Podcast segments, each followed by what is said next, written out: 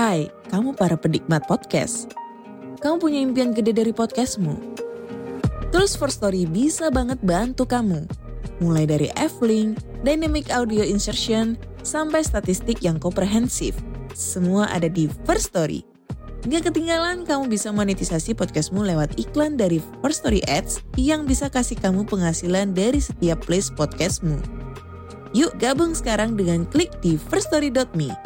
Sekali lagi, klik di firststory.me. Mari kita bawa mimpi podcastingmu menjadi kenyataan. Hello? Hello? Podcast Network Asia. Halo semua pendengar mitologi santuy, podcast yang ngebahas mitologi dengan cara yang santuy. Selamat datang lagi di episode terbaru dari petualangan Jason dan para Argonaut yang tentunya makin seru aja. Di episode yang lalu, Jason dan Medea meresmikan hubungan mereka guna menghindari armada Kolkis. Di bawah perlindungan armada Syria, mereka pun berlayar tanpa hambatan sampai mereka bertemu dengan raksasa perunggu di dekat Pulau Kreta.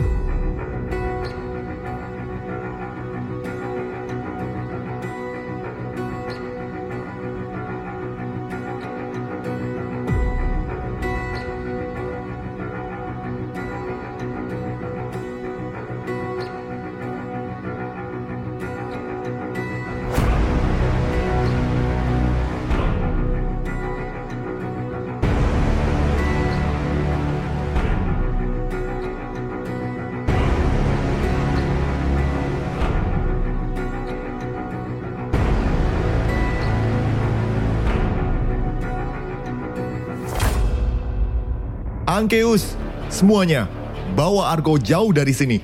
Teriak Jason ketika melihat ombak tsunami besar bergulung dari arah sang raksasa. Dengan sigap kru Argo menempati posisi mereka masing-masing.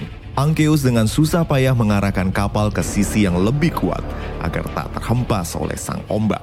Sementara para Argo mendayung sekuat mereka menjauh dari ganasnya ombak buatan sang raksasa. Meskipun usaha mereka begitu heroik, namun ombak tsunami akhirnya menghantam kapal Argo. Berkat kerja keras Ankeus dan seluruh kru Argo, kapal Argo selamat dengan kerusakan kecil. Ankeus melihat keadaan dan sambil menggeleng-gelengkan kepalanya, mengeluh kepada Jason. Jason, Argo tak akan kuat menghadapi tsunami macam kayak tadi lagi. Kita cuma hoki barusan. Selama raksasa logam itu ada di Pulau Kreta, kita tidak akan bisa mendarat dengan aman. Hmm, kalau gitu gimana kalau kita lewatkan aja Pulau Kreta dan kita cari jalur lain? Tanya Meleger memberikan usulnya. Kayaknya nggak mungkin bro. Perbekalan kita udah nipis. Kita harus mendarat di kereta untuk makanan dan air minum. Lagian makhluk apa sih itu? Jelas Jason sambil bertanya tentang raksasa logam yang telah menghalangi mereka mendarat di Pulau Kreta. Itu Talos, Jason. Masih ingat cerita Kiron ketika kita masih di Gunung Pelion dulu? Jawab Nestor sambil menatap ke arah raksasa logam yang dari jauh tampak seperti orang-orangan bersinar gemerlap. Talos? Maksud lu robot bikinan Hephaestus yang punya darah para dewa? Ah, kok kira cuma dongeng? Jawab Jason seolah tak percaya tokoh dongeng yang diceritakan oleh Kiron saat dia masih kecil benar-benar ada. Nestor lalu menjelaskan tentang Talos kepada para kru Argo dan media yang menyimak dengan penuh perhatian. Talos dikatakan merupakan raksasa logam yang menjaga pulau Kreta dari serangan musuh mana pun. Asal-usulnya tidak jelas. Ada yang bilang kalau Talos diciptakan oleh Hephaestus atas perintah Zeus yang ingin melindungi Eropa, gadis cantik yang digodanya ketika Zeus bercosplay menjadi sapi. Zeus memberikan Ichor atau darah para dewa sebagai sumber kehidupan Talos yang tak butuh makan atau istirahat. Ada juga yang bilang kalau Talos adalah raksasa karya ilmuwan paling terkenal di Kreta, yaitu Daedalus, untuk melindungi pulau tersebut dari serangan-serangan musuh. Talos berkeliling pulau Kreta tiga kali sehari, berpatroli, dan mencegah kapal atau siapa pun mendarat di pulau yang terkenal subur dan kaya ini. Konon, para raja kereta tidak perlu membangun tembok perlindungan karena mereka punya Talos. Talos sangat kuat, dan karena terbuat dari perunggu, tak ada senjata yang bisa melukainya. Talos yang berukuran besar memiliki tenaga yang kuat serta mampu terjaga tanpa tertidur dan tidak perlu makan. Talos juga sanggup membakar ikor dalam tubuhnya dan membuat dirinya penuh dengan energi panas dan kemudian sanggup melepaskan energi tersebut untuk membakar apa pun yang ada di sekitarnya. Jadi maksud lu kita eh, berhadapan dengan makhluk logam yang gak, gak bisa mati dan bisa jadi bom. Ya mati aja kita. Celoteh Meleger menunjukkan keputusasaannya. Jason terdiam sejenak memikirkan apa yang hendak ia lakukan. Media yang menangkap keraguan sang suami kemudian menepuk pundaknya dan mengutarakan pendapatnya. Jason, tenang saja. Aku punya rencana. Tak ada makhluk apa pun di dunia yang tak punya kelemahan. Media tampak begitu percaya diri.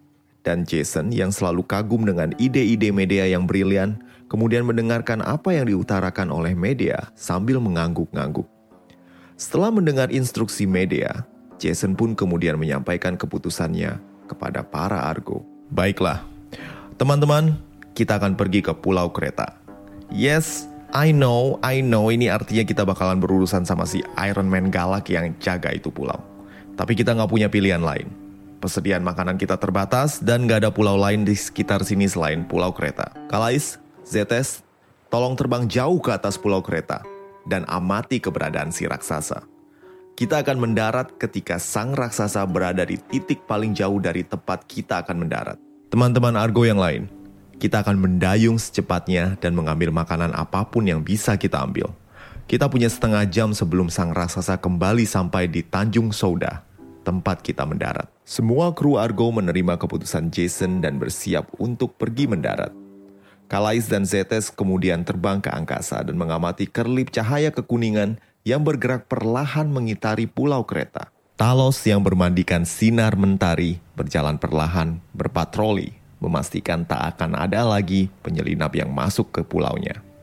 Talos tak menyadari bahwa ia sedang diawasi oleh kedua putra dari angin utara.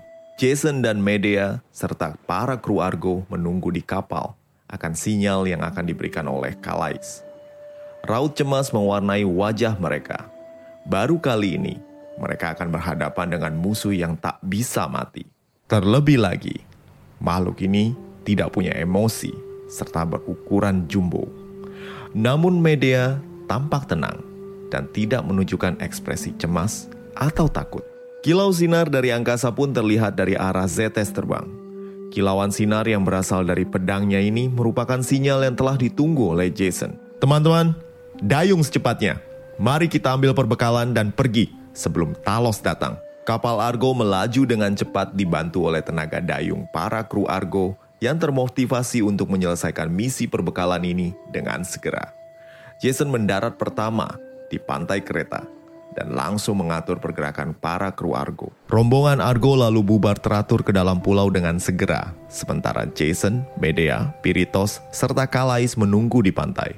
Menit demi menit berlalu, para kru Argo belum kembali dengan perbekalan mereka. Jason yang cemas kemudian meminta Kalais untuk terbang dan melihat keadaan. Sang putra angin utara kemudian melesat dan melihat sesuatu yang membuat raut wajahnya pucat pasi. Jason, Talos, Talos berlari ke sini. Oh, shoot. Jason pun kemudian menghunus pedangnya dan Piritos membunyikan trompet tanduknya sinyal tanda bahaya. Kalais, terbang ke arah teman-teman kita yang lain. Peringatkan mereka untuk kembali. Cepat! Kalais pun langsung melesat sesuai dengan perintah Jason. Sementara Jason, Medea, dan Piritos bersiap menghadapi kondisi terburuk. Suara dentuman langkah kaki yang berat mulai terdengar dari perlahan sampai terasa begitu dekat. Dan benarlah, Talos sang raksasa telah tiba. And he doesn't look happy.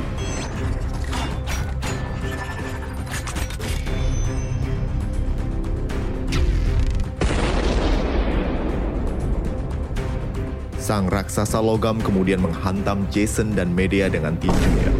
Beruntung gerakannya lambat, sehingga mudah dihindari oleh kedua suami istri ini. Piritos melemparkan tombaknya yang tajam, namun serangan Piritos tak menimbulkan luka apa pun di tubuh Talos. malah membuat sang raksasa semakin marah dan mengamuk. Talos mengalihkan serangannya ke arah Piritos yang harus jumpalitan menghindari pukulan dan terjangan raksasa yang sepertinya semakin cepat gerakannya. Sementara media dengan seksama mengamati Talos, seolah mempelajari sang raksasa seperti dirinya mempelajari buku mantranya. Satu persatu kru Argo kembali dari misi mereka mencari perbekalan dan langsung turut dalam pertempuran melawan Talos. Filotetes melesatkan panah-panah besarnya ke Talos. Telamon dengan kapaknya berusaha menghantam betis Talos. Kalais dan Zetes terbang serta melancarkan serangan dari udara. Sementara yang lain menyerang Talos dengan garang. Namun Talos tak bergeming. Serangannya semakin cepat dan beberapa kali melukai para Argonaut. Talos yang menerima begitu banyak serangan dari Jason dan teman-temannya kini tampak semakin bersinar dan bergerak lebih cepat. Nestor mengamati ada perubahan warna pada raksasa yang tampaknya semakin kuat ini. Dada sang raksasa tampak kemerahan, seperti ada bara yang menyala dan mulai menyebar ke seluruh tubuhnya. Jason, lihat dadanya. Talos akan meledak. Jason dengan sigap memerintahkan segenap kru Argo untuk mundur. Talos yang dikepung tampaknya sedang mengumpulkan energi Icor untuk menyerang seluruh musuhnya dengan hawa panas. Dan Ajal akan segera menjemput Jason dan seluruh kru Argo. Di saat genting inilah, Medea tiba-tiba berjalan ke arah Talos dengan tangan kanannya terangkat, seolah ingin menenangkan seekor anjing galak. Jason tidak habis pikir dengan apa yang dilakukan oleh Medea dan berusaha untuk menghalangi langkah istrinya yang berjalan menuju maut. Media dengan tangan kirinya menahan Jason. Jelaslah bagi Jason kalau Medea tidak ingin dihalangi. Medea bergerak semakin dekat dengan Talos yang menyadari keberadaan wanita berambut merah yang tanpa rasa takut menghampirinya. Talos mengacungkan tangannya, kemudian mengepalkannya menjadi tinju dan menghantamkannya ke arah Medea. Medea, awas! Heligon, Braidas Maroval. Heligon. Tinju Talos tiba-tiba berhenti. Mata Medea tampak bersinar menatap ke Talos. Sang raksasa tampak seperti membeku tak bergerak mendengar mantra dari Medea. Jason dan seluruh kru Argo takjub melihat bagaimana Medea menghentikan serangan Talos. Yoragon Zeivestragi. Aoha Anogaryaragon. Talos perlahan menarik tinjunya dan berdiri diam. Dengan penuh kepercayaan diri, Medea kemudian melanjutkan mantranya. Ixe Ivestragi. Aoha Abrarkeliton. Talos sang raksasa logam kemudian berlutut dan menarik baut di tumitnya. Seketika itu pula, cairan Aikor, parah dewa, mengalir keluar dari tumit sang raksasa. Sumber kehidupan serta kekuatan dari raksasa yang telah menjaga pulau kereta sejak zaman nenek moyang para pemukim Yunani telah meninggalkan Talos. Talos kemudian tumbang, jatuh, tak lagi bernyawa. Jangan mendekat. Darah para dewa adalah racun untuk kita. Teriak Nestor memperingatkan beberapa kru Argo yang penasaran dengan jasad Talos. Icor, atau darah yang mengalir dari tubuh Talos, adalah darah para dewata. Icor memberikan kekuatan serta hidup abadi bagi para dewa, namun Icor adalah racun bagi manusia fana. Jason langsung menghampiri Medea dan memeluknya dengan mesra. Kau sungguh luar biasa sayang. Jadi kau sudah tahu bagaimana mengalahkan Talos dari awal? Tentu tidak. Cuman gue yakin gak ada makhluk yang gak ada kelemahan. Lagian, kalau gue bilang gue mau bunuh Talos, kalian pasti gak percaya. Seluruh kru Argo mengeluh-ngeluhkan Medea akan keberhasilannya mengalahkan Talos.